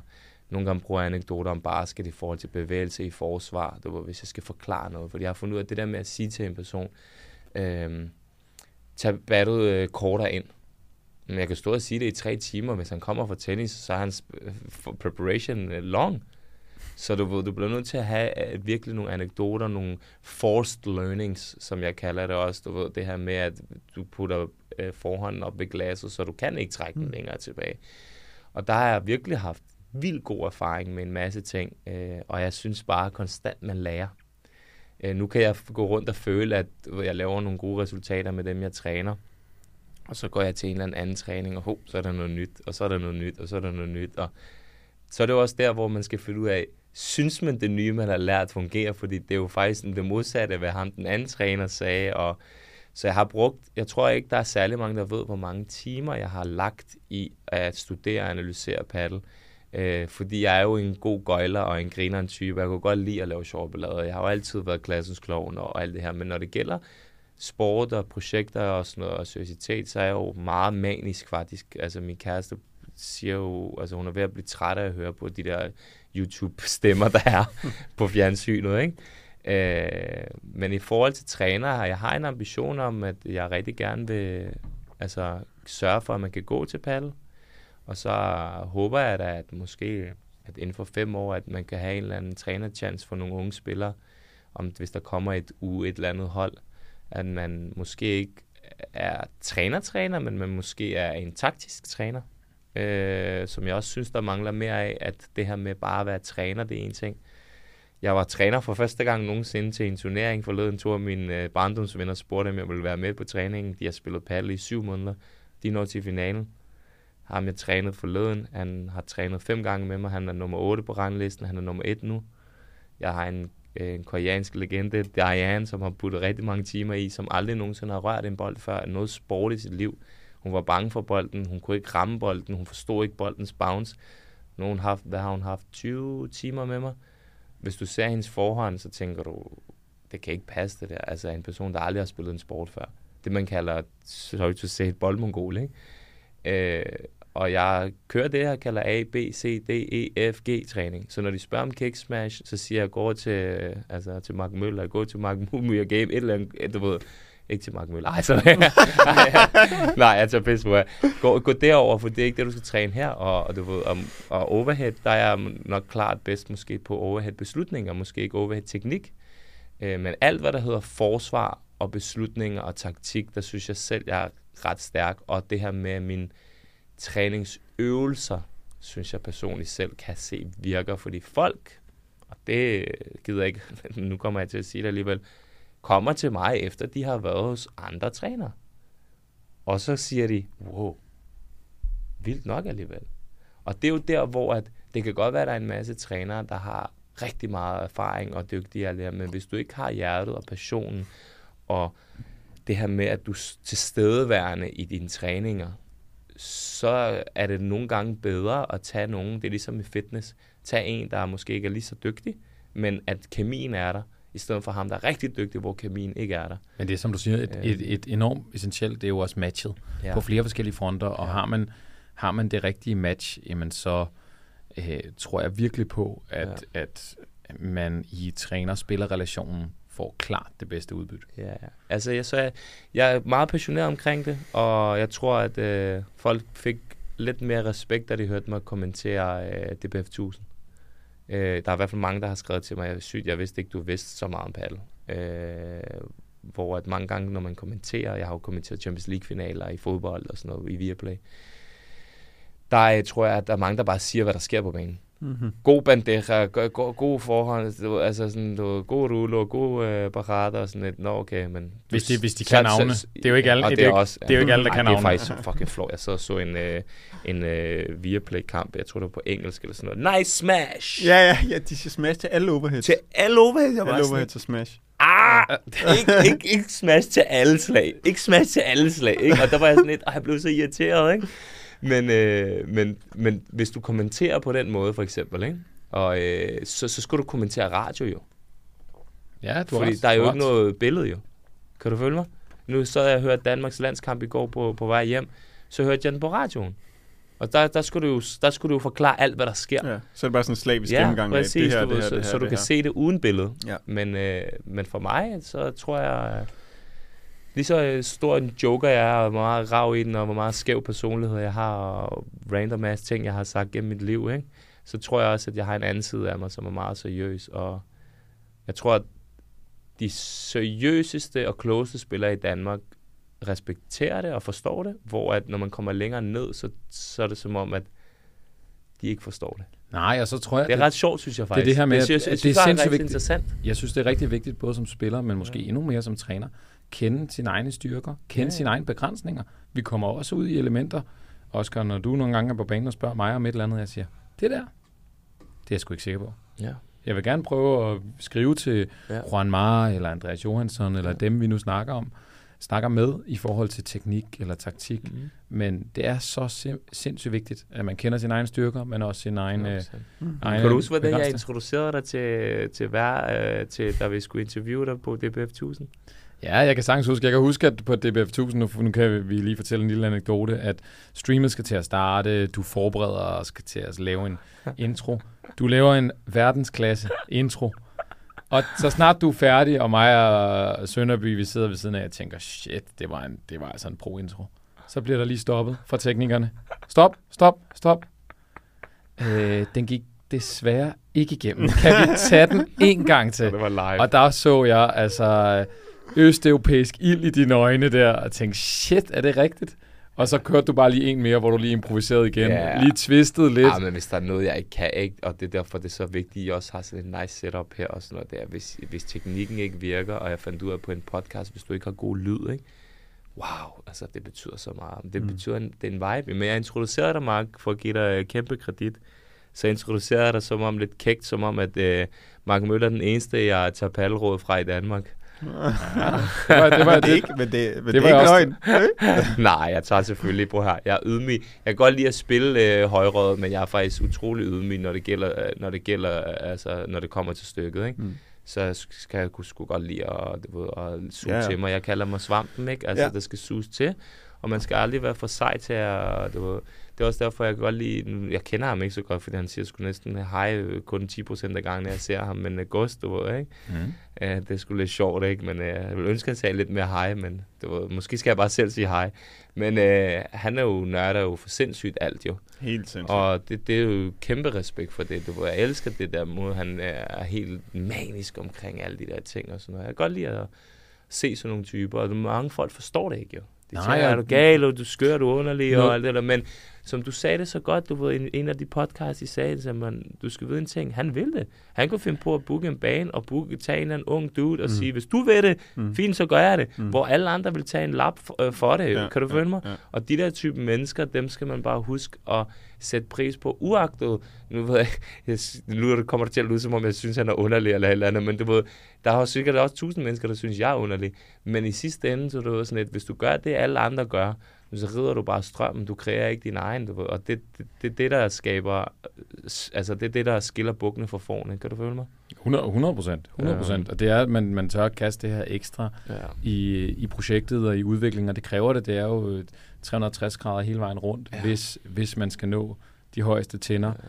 Og når vi snakker om at nå de højeste tænder... Kan du så meget at snakke udenom, hvor god træner jeg er? Ja, ja du, gør, du, du gør det godt. Jeg, jeg ser det selv. Jeg, du skal ikke stille mig men, sådan et, er du top 10, er du top... Ja, der var. Nej, men, men, men jeg, jeg har godt hørt, du har kørt nogle monologer og trukket tiden ud, fordi at både dig, og det ved du også, Oscar, ja. der kommer et svært spørgsmål, ja. og vi er snart ved, vi er snart ved at nå frem til det. Så jeg formoder at trække tiden, men... Øh, jeg har nikket over til producer Erik og sagt, vi stopper ikke før, at øh, nej, spørgsmålet det er stillet. Nej, jeg vil, så... i hvert fald sige, jeg vil i hvert fald sige, at, at nej, nej, det er, det, det er et shout-out til jer, ikke? Det er, det er, at hver gang der er et eller andet, jeg ikke har styr på, så siger jeg altid, du tager over til jer. Du vil til Mark Movie og Game, du vil tage derover, hvis du, altså sådan der, jeg, jeg har sendt nogen over til jer, hvor jeg har været sådan lidt, bror her, du skal ikke kigge hos mig, du skal ikke det der måske hos mig, fordi der er nogen, de vil fucking have mange feedinger, hvor de ikke vil have så meget snak det er jeg faktisk ikke så meget for. Øh, fordi jeg synes, at man lærer mere ved snakken end ved feeding. Jeg siger, at hvis du vil have feeding, så skal du have boldmaskine. Det var, hvis du ved, hvad du skal gøre. Og jeg, mine sessions er jo næsten 95% af dem med to timer, fordi man ikke kan booke en halvanden time. Så jeg har næsten aldrig en time sessions. Øh, og det synes jeg er faktisk ret interessant. Det er bare min filosofi, det her med, at man lærer mere, øh, når man faktisk står og samler bolde end at når man altid slår, fordi repetition er en ting. Det var, og der er mange, der er uenige. Nå, men det er vigtigt som øh, træner at have, have en filosofi, og så tror jeg, det, ja. det er vigtigt, at man kan mærke passionen. Og ja. det, vi, det, vi har stylet lidt nogle gange over, når vi har været i, i Spanien nogle gange, det er jo det her det klassiske eksempel, at træneren står på WhatsApp eller står og sms'er, når der bliver samlet bold. Ikke? Og det, det er jeg glad for, at, øh, at du øh, tilhænger en anden kultur, hvor at pauserne ja. er faktisk også vigtige, enten ja. til lige at skabe ro, eller ja. til at lære sin klient bedre at kende, ja. eller til at gå og snakke om et eller andet ja, nu, prøv at hvor glade folk bliver, når du spørger dem, hvad har du lavet i dag? Mm. Eller hvad skulle du lave i weekenden? De bliver helt forvirret, og de tænker, åh sygt. tænk på, mange mennesker køber også en service for at komme ud og være sammen med et menneske, du ved, og altså, du ved, som vi snakker om tidligere, det her med kunne lide personen, man træner mm. med, det, det er sygt vigtigt. Mm. Jeg har kun et problem, det er, at jeg skal skide nogle gange. det, det, det, det, kan jeg ikke løbe fra nogle gange, når man lige skal, om morgenen især, ikke kan den vi, første. Kan vi, kan vi få en eller anden... Morgenkaffen. Efter den første, du ved, hvis man ikke har spist morgenmad, får man lige den jeg første Jeg kunne rigtig tår. godt tænke mig, uh, producer Erik, vi fik et eller andet count. Et, der blev talt, hvor mange gange Drux har fået Oscar til at bryde ud i, i løbet af det her afsnit. Men er det ikke altså, noget, man mit skal umiddelbart bud, det er over 10. Men er det ikke noget med, at vi skal have en paddle, paddle-anekdote på et tidspunkt? Jo, men det skal vi, men først skal I lige have det okay, her spørgsmål. Okay, okay, kom med det, mand. Nu skal jeg lige sætte Jeg vil også høre jer snakke. Ved du, hvad der er ret interessant i nej, den her podcast? Nej, det, det er, normalt snakker I rigtig meget, men jeg snakker fucking meget i dag. Ja, der er nogle afsnit, hvor gæsten tager over, ikke? Ja, det Sønderby også. Han, ja, han ja, også. Noget med at hedde Daniel, eller et eller andet. Ja, det, uh, det der dobbelt, det er te- unlimited Telia abonnement. Nu stiller jeg et spørgsmål, der er så svært, at jeg ved, at I får brug for lidt tænkepause. Uh, der er varmt. Ikke? Og til at, øh, at ligesom spare lidt med hinanden, men der skal nok komme lidt, lidt ro på sættet, det er jeg sikker på. Jeg vil nemlig gerne høre, de højst rangerede paddelspillere på herresiden på VPT fra følgende lande. Jeg vil have den højst rangerede svensker. Jeg vil have den højst rangerede nordmand. Jeg vil have den højst rangerede fra Belgien. Jeg vil have den højst rangerede fra Danmark. Jeg vil have den højst rangerede fra Holland. Jeg vil have den højst rangerede fra Frankrig. Og jeg vil have den højst rangerede fra Italien. Ved du, hvor grim han er, at han tager Danmark, det er fordi det er ham selv, den der. Jeg, ved, jeg skulle til at sige, jeg ved, hvem der er i Danmark, Nå, fordi ved du, hvad han stod i dag i Racket Club? Ja, jeg hvad jeg ligger. Der, på et tidspunkt, så kan jeg se Mark Møller, han sidder der du ved, og scroller på... Øh, og du skal bare lige være opmærksom med en ting, ikke? Han scroller i hvert fald 5 minutter eller sådan noget, okay? Han scroller, scroller, scroller, scroller, så lige pludselig så kigger han over på mig, Alex. Hov, gutter! hvem, er, hvem er nummer 255 øh, på i hele verden? Så siger jeg, Nå, men det, det ved jeg sgu ikke, hvem er det? Åh, prøv at se her, ikke? Så det, det er derfor, jeg ved, at uh, Mark Møller og Emil, tror jeg, at I har det samme. Ja, I har det samme. Ja, ja der er og, min. Og så tror jeg, at... Uh... Det er fuldst- lad, os, lad os starte der. Det er fuldstændig rigtigt. Nå, det Danmark var det alligevel. er det Emil, Emil Dumela Hansen og uh, Mark Andreas Mark, Mark, Mark stod i lang tid og scrollede. Det var langt nede. 225. Ja, det er, altså, det er stærkt. Ja, det er lidt, hvor... lidt, lidt foræret, men uh, det var selvfølgelig efter ja. sejren uh, jeg vil gerne, i World Wildcard Chase. Ja. Jeg vil gerne høre, hvor mange uh, kampe har I spillet og vundet i World Padel Tour Regi? Ja, men Prøv lige at høre, hvordan man kan blive nummer 225 i verden. Må jeg lige spørge mit han har, han har vundet, vent, vent, vent, vent, han har vundet 0. Ja, det er sygt, ikke? At være 200. 225 ja, jeg, jeg, jeg, jeg, jeg, jeg, har vundet Wildcard Chase. Øh, det så det er egentlig, det er, det er, det er egentlig rigtig godt tilfreds med. Og så har jeg slået Linus Frost og Daniel Appelgren på en bye. Må jeg stille jer et seriøst spørgsmål, faktisk? Nej, vi skal være færdige med den her først. Bare lige en hurtig. Nej, du må, du, du, må, du må notere den, du må notere den. Okay. Kom, kom. Du må notere den. Kom med de lande. Jeg vil også gerne høre, hvem... hvem er det okay, du har, Sverige, Sverige, øh, det er Vindal. Rigtigt. Norge. Jeg kender ikke en eneste norsk. Jo, jeg kender faktisk Frederik ham der. Ask. Han har været i Danmark. er fuldstændig rigtigt. Han har været i Danmark. Jeg har faktisk ja. set ham på et tidspunkt, Lefty. kunne man træne med ham i, ja, i, øh, i Danmark. Ja. ja. Jeg vil høre den højst rangerede italiener. Ja, det er så dårligt til at kende. Francesco Totti. ja, det, er, det er et godt bud. altså, den her, den skal, den skal paddelnørden Oscar Sepper have, for det, der er de tre, de tre højst rangerede ita- italienere. Ja. Italienere, de har alle tre spillet på diagonal. Ja. De har alle sammen trænet ej, ja, ej, mens godt. vi har trænet. Ej, Men det er jo tre forskellige. Nå, ja, ja, ja, ja, ja. Jeg og, kan, og ved du, hvem der... Ja, Dennis Perino. Fuldstændig korrekt. Jeg så to italienere spille uh, Premier Paddle uh, mod to ret dygtige spanier, som, hvor de var... Jeg tror det endda, de vandt faktisk, tror jeg. Eller, jeg så den ikke færdig, men det så helt sygt ud. Hvor jeg var sådan et, Italienerne, de italienerne er gode. De har, de har Dennis Perino, Facundo, Facundo Dominguez, ikke? Fuldstændig korrekt. Spiller ja. fantastisk. Og ja. så tror jeg, de har Suisgon, den, øh, vores ja, rigtig gode ven fra Diagonal. Nej, det er ham. No, shit, ja. Han står nok på min øh, top 5 over spillere, jeg allerhelst vil slå. Jeg ved godt, hvem nummer 1 er. ja, men hvem han helst vil slå? det hvem er det? Daniel Drux? Nej, hvem? en svensker. Ja. Ja, ja, ja, præcis. Og han var til gengæld skadet, Mark Møller, den dag, at han kom på besøg. Ja, det var ikke tilfreds Og grinede og kørte folk rundt nede i uh, Tostrup, og Marks øjne var bare ildebrændt og tænkte, hvorfor er det ikke mig, der står nede på den bane? og der må jeg bare give kæmpe shout-out til, øh, til fucking øh, Enrum, ikke? Når det fucking gælder, når der er publikum, og når der er yes. ild i øjnene, ikke? Og jeg har sagt det til ham før, så er han bare en af de bedste i Danmark. Ja, ja, når... Men han skal slappe af med det der fucking bytur og alt det der pis, og han, vi, skal, vi skal i gang med at grind. Jeg har sagt til ham tusind gange, min bror, grind season. Jamen, der er nævnt, der er nævnt øh, et par navne, der kunne øh, godt bruge lidt hjælp fra Drux. Der var mm. Victor Svendsen, måske øh, Jesper Clausen og Sofus Indrum. Det er jo tre spillere med stort potentiale, men jeg vil gerne høre den højst rangerede hollænder. Hollænder? Jamen, det kan kun være, det kan være to. Det kan være, øh, hvad hedder han, Bram Meyer? Det er fuldstændig korrekt. Imponerende. Det vil sige, at af lande, vi har tilbage, det er kun to lande. Jeg vil gerne sige, det er det Depay også. legende, legende. Ja, hvad med Belgien? Ja, hvad, ja, ja, ja jamen, det kan også kun være to. Ja. Jeg vil sige Maxime Deloire. Det er det ikke. Så, så, det, så er det Clement. Så er det Lukaku. Gens. Nej, det er. Det, det, det, det er Clement Gens, og så ja. har vi den sidste sidste spiller fra Frankrig. Det, det som Druxo selvfølgelig burde, det, det, det, jeg burde have sagt, det var jo, at hvis i det lykkes jer at svare rigtigt, så ja. er der jo en fast regel i pallenørdene. Ja. Det er jo en gratis træ, træningsteam med, med Movie Game. Så hvis Oscar han svarer rigtigt, ja. så giver jeg dig, dig en gratis uh, Jeg vil hellere have med som marker til en kamp. Ja, men det kan vi også finde ud af. Det hellere have. 10 lapper. det sidste, Frankrig. Hvem er højst oh. rangeret? Det er faktisk ham, der både er højst rangeret på FIB og på WPT. Er det ham der med de der krøller der? Altså, du skal bare lige vide en Har han ikke? tabt til nogle danskere? Han har ikke tabt. Så er jeg færdig. Jo, jeg fordi du kender ham. Jeg kan, jeg kan simpelthen ikke give flere ledetråde. En fransk mand. Ved du, hvad der irriterer mig, når man laver quiz og sådan noget? Når det kommer til sådan noget med, du ved, årstal og dit og dat og alle de der ting. Det er jo sådan, det er ikke quiz og men, men, min, Derfor jeg er verdens dårligste quiz. Du kan spørge mig, hvornår 50 Cent's album kom ud, og det er mit yndlingsalbum. Jeg kan ikke fortælle det til dig. Ej, jeg er all about sådan der, du ved. Jeg kan slet ikke sådan noget der. Jeg kan, min hjerne, ikke, den kan ikke huske årstal, den kan ikke huske vinder, den kan ikke huske noget og sådan noget der. Altså sådan... Get Rich or Die Trying 2008. Ja, ja jeg ved det. Tage, så, jeg ved det. det. Du er varm. Jeg ved det. Uh, Tisson? Det er Benjamin Tisson. Kom nu så.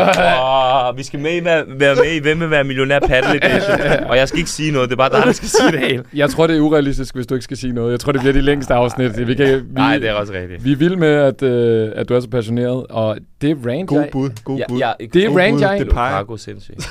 Imponerende, imponerende i, i rammer... Øh, rammer dem alle sammen. Du rammer de bedste paddelspillere, du rammer de bedste fodboldspillere. Ja. Perfekt. Og det range, jeg skulle have kommet med i dag, det har allerede været Drux har allerede leveret det. Hold nu kæft. Det, jeg, har det, været i forkøbet? Det, jeg står, der står på Som mit, altid. på, mit, på mit dokument, det er, Paddle Danmark lader nu være med at kigge på det sidste slag i duellen. Paddle er mere kompleks. Det gælder uanset om man vinder bolden eller ja. taber bolden. Kig nu på det, de slag, der er inden det afgørende. Mm. Det, som du nævner som assist eller hockey assist, øh, assist til assisten, men især i paddle også, hvornår er det, man er komfortabel og i kontrol? Hvornår er det, man er presset og ude af kontrol? Og det, når, når der bliver ændret i de momenter og taktiske situationer, jamen det er det, der er noget af det allervigtigste. Og mm. jeg ved ikke, om jeg tør det her, Erik, og om udstyret kan holde til mere optagelse. Men Drux, du siger, du har en uh, anekdote. Jeg vil bare sige, i forhold til din uh, rant, ja? der vil jeg sige, at uh, det, man kigger rigtig meget på lige nu i fodboldscouting, det er faktisk den tredje der, øh, som er chances created. Mm. Det er noget af det, når man skal ud og finde spillere offensivt, især hvis du spiller en 10 eller en fløj eller et eller andet. Så øh, i scout-systemet, der er der jo stats på alt nærmest i fodbold, ikke? Der kigger de rigtig, rigtig meget på, øh, på det, der sker før assisten som er en af de vigtigste punkter pt. Og det er derfor, sådan en, sådan en som Eriksen for eksempel har nogle helt syge tal. Altså øh, assisten til assisten, eller hvad? Ja, ja. ja, og der tror jeg i paddle, at det her med, at hvornår man bliver ukomfortabel, hvornår man kommer ud af balance, eller hvornår man giver modstanderen mulighed for ja. at skabe transition, det tror jeg er... Men hvorfor der har du vi noget med som rant? Jeg tog det med som rant, fordi jeg, jeg er træt af i uh, Paddle Danmark, at man kun kigger på ja. den sidste men det er fordi, du højre spiller min bror. Ja, præcis. ligesom mig, det er derfor, vi siger det. Du hører ikke en venstre spiller Prøv at høre. Og jeg, jeg siger, Oscar, Oscar, Oscar og Alex, de driller mig, og de siger, ja. når man kigger på din Instagram, hold kæft nogle fede vibras. Ja, hold kæft nogle ja, fede flashmash. Ja. Og Kicksmash, vi glæder os til at se det i kampmark. Ja. Fordi det er, ikke, det er ikke lige så ofte, det sker. Der er der lidt mere blød bandeja, og lidt mere gancho. Og... Ja, men jeg tror, det er fordi, du ikke når hurtigt nok tilbage. Det er jo altid et godt trænertip til os folk derude. Ja. Altid kig på det, der sker lige før. Ja. Så i, i, og både når det gælder om, hvem der afgør ja. duellen, men også teknisk. Hvis ja. man har en udfordring med et slag, men kig, vi siger, ja. kig tilbage i, hvad der skete tidligere ja. i bevægelsen, men også ned i kroppen. Ja. Ofte er det benene, der øh, skaber udfordringer for slagteknik. Jeg kan huske, vi sad en gang, hvor du lavede overhead-træning med Sepp, så sagde jeg til dig, øh, hvor jeg sagde, må jeg sige noget? Og du, der fik jeg faktisk fucking meget respekt for det, fordi jeg står og siger det til en af Danmarks bedste træner, må jeg sige noget? Så siger du, ja, ja. Så siger du, prøv at lade mig hoppe på alle overheads.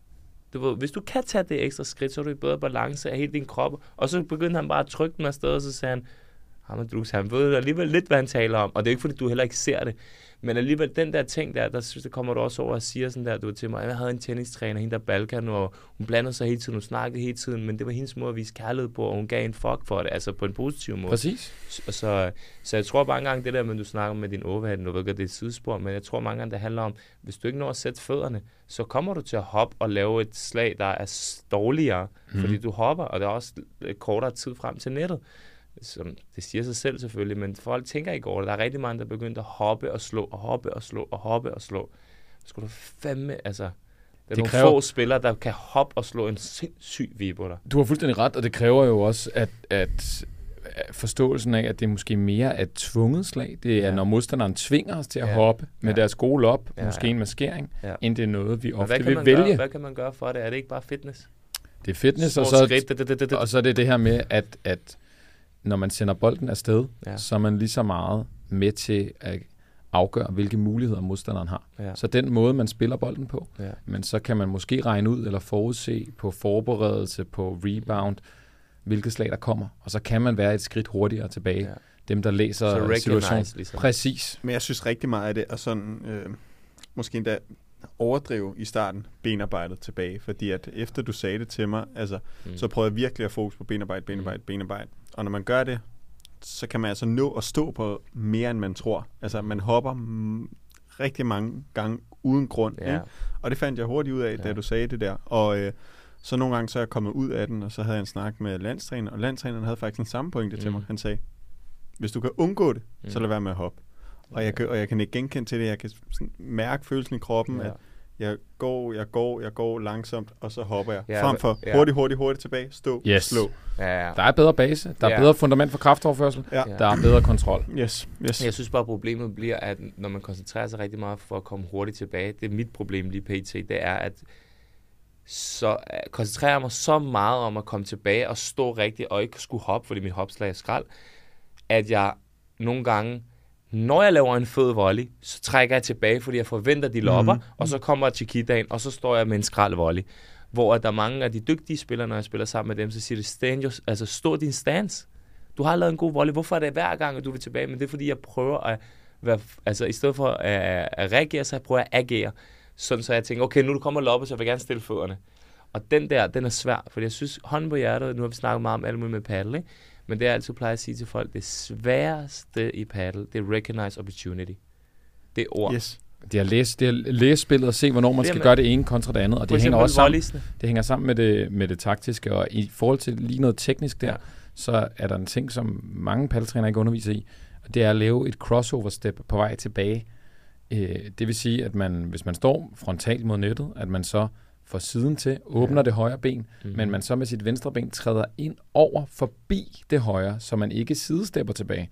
På den måde kan man komme ah. tilbage lægge større distance på første skridtet, og så Aha. derefter tage små justerende skridt har Mark altså fået en træning af Selingo ja. øh, for diagonal i og sidestep. Jeg det, kan... er brugt af, eller det var ikke en træning, for Selingo var der, Juan Mar var der, og der kom en eller anden... Ja, øh, men det var en helt vanvittig... En tredje træner også. En helt vanvittig... Var du i hvert fald på røven i starten? En helt en vanvittig, vanvittig session, hvor mig og Oscar skal ned og spare med Selingo, og Selingo skal sammen med Juan Martin Diaz spille mod uh, Stuba Dinino to dage efter, og vi får bare at vide, at vi skal spille som Stuba Dinino ja. mod Selingo, der, der, der er tidligere top 10 i verden, og, og så siger vil han gerne lige se på min overhead bagefter. Så Juan Mar, leder af Diagonal Selingo, og så assistenttræner Lopa, de står og, og hvad skal vi sige, finkæmmer min overhead, og Juan Mar, han er, siger, ah, det er, det, det er preparation, det er preparation, den skal være bedre, Mark, du skal, finde, finde den rigtige træfzone. Selingo, nej. Han skal lave crossover step på vej tilbage. Så det var lidt svært, øh, også for mig, verdensklasse session, ja. men at få fokuspunkter to forskellige ja, steder ja, i kroppen ja. samtidig. Mm. Der var jeg nemlig ved at stå på røven, kan jeg ja. fortælle dig. Og det, er, det kan være så svært. Det er også nogle gange, når vi har fokus på forberedelsen i overheaden, og hvor højt den skal ligge, og hvor den skal ligge. Sådan noget. Altså, så har det været håndfodring. Så stod håndfodret sig ah. selv, så man ikke skal tænke over benarbejdet, men kun har fokus på høj forberedelse.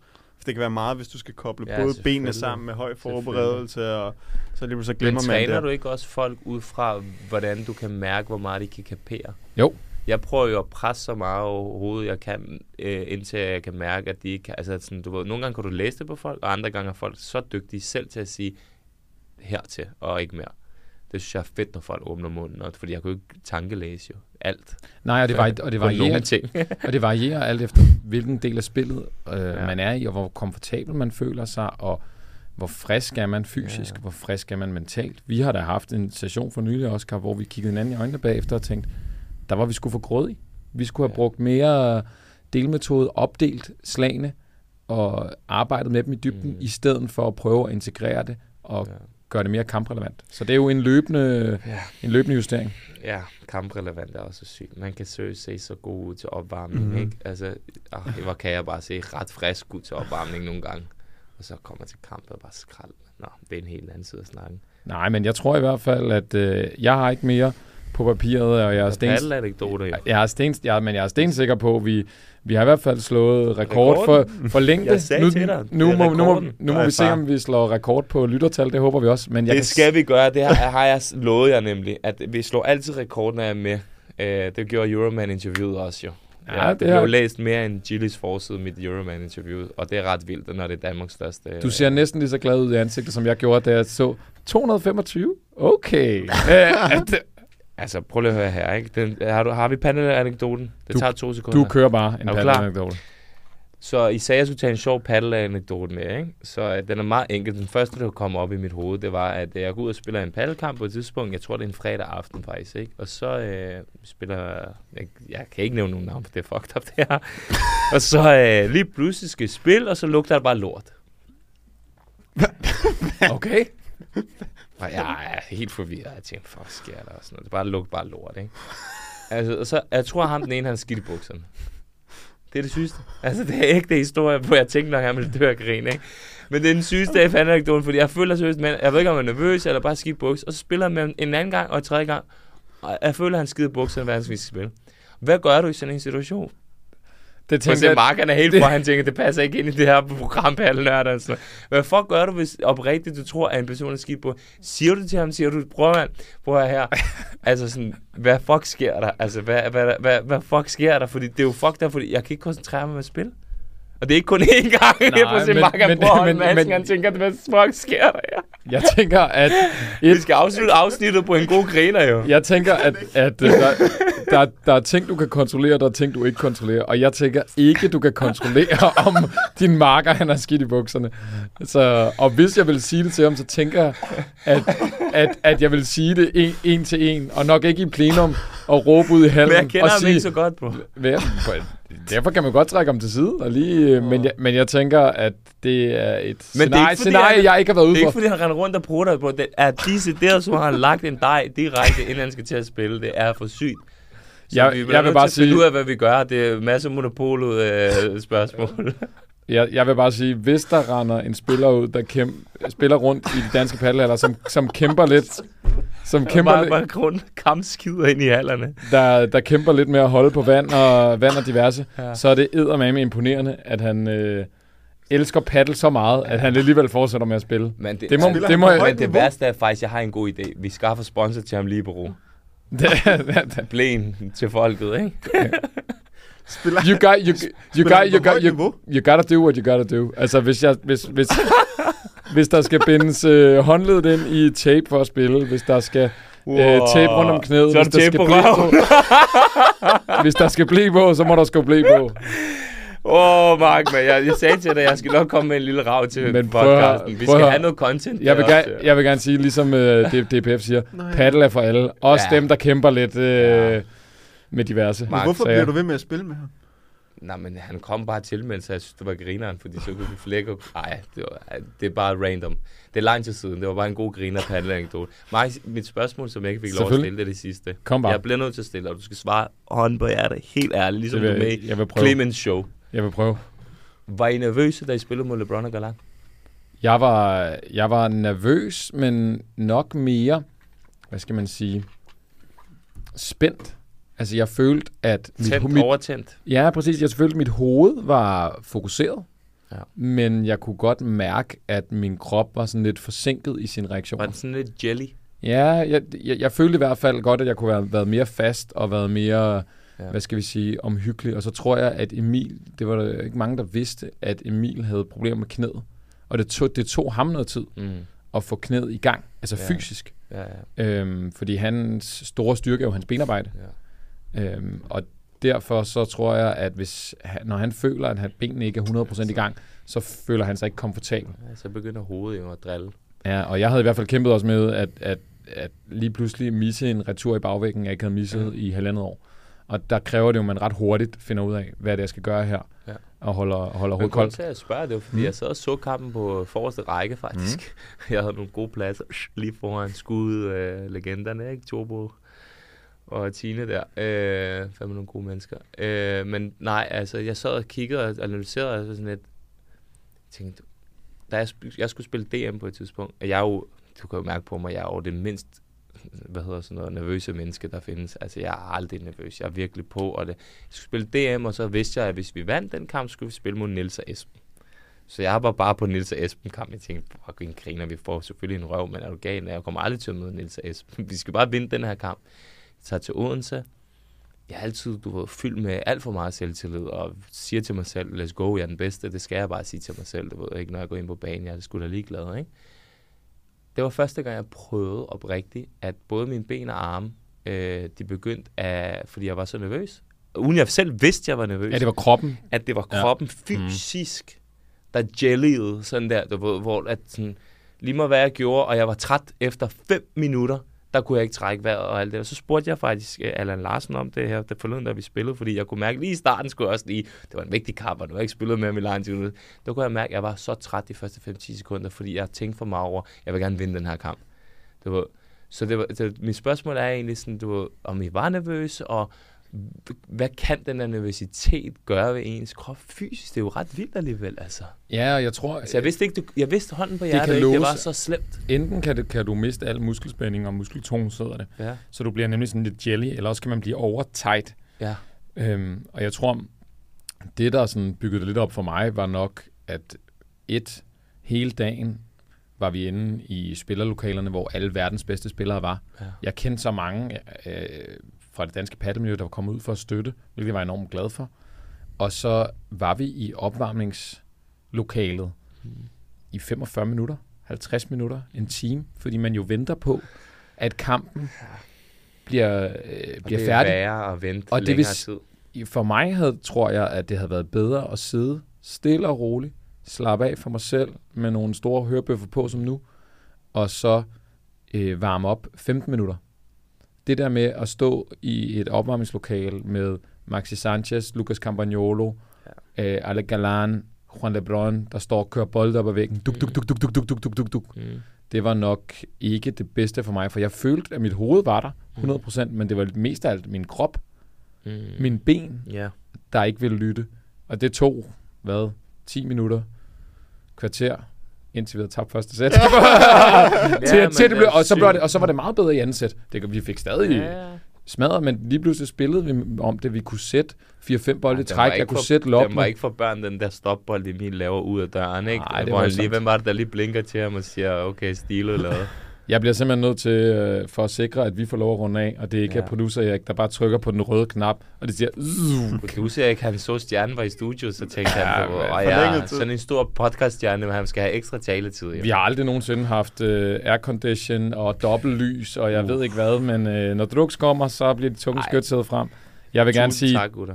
Ja, det, det er, også, der takker. Det er også der takker. Det har været fedt at have dig på besøg, og hvis man vil følge dig, så kan man jo gøre det på på Instagram. Hvad er din uh, Instagram-account? Jamen, altså, det, var, det er sjovt, fordi du, jeg har jo haft det der i så lang tid. Jeg, ja, jeg giver jo aldrig en fuck for sådan noget med followers og alt det der, men uh, det er, uh, jeg tror bare, at skrive Drux, Daniel Drux, D-R-U-X, eller så DDS, altså, altså, så kommer det nok frem. Ja, der, der er både paddle-content, og der er også lidt generelt ja. udviklingscontent, lidt fodbold ja. en gang imellem. Det er i hvert fald fedt at følge med. Det gør begge paddelnørder. Ellers der er kan man, nogle jokes. Nogle jokes, nogle jokes. Kom også. Ellers kan man øh, følge mig på øh, Mark Movie og Game, eller Oscar på Oscar underscore Sepper, eller skrive til os på infosnabelagmoviegame.com.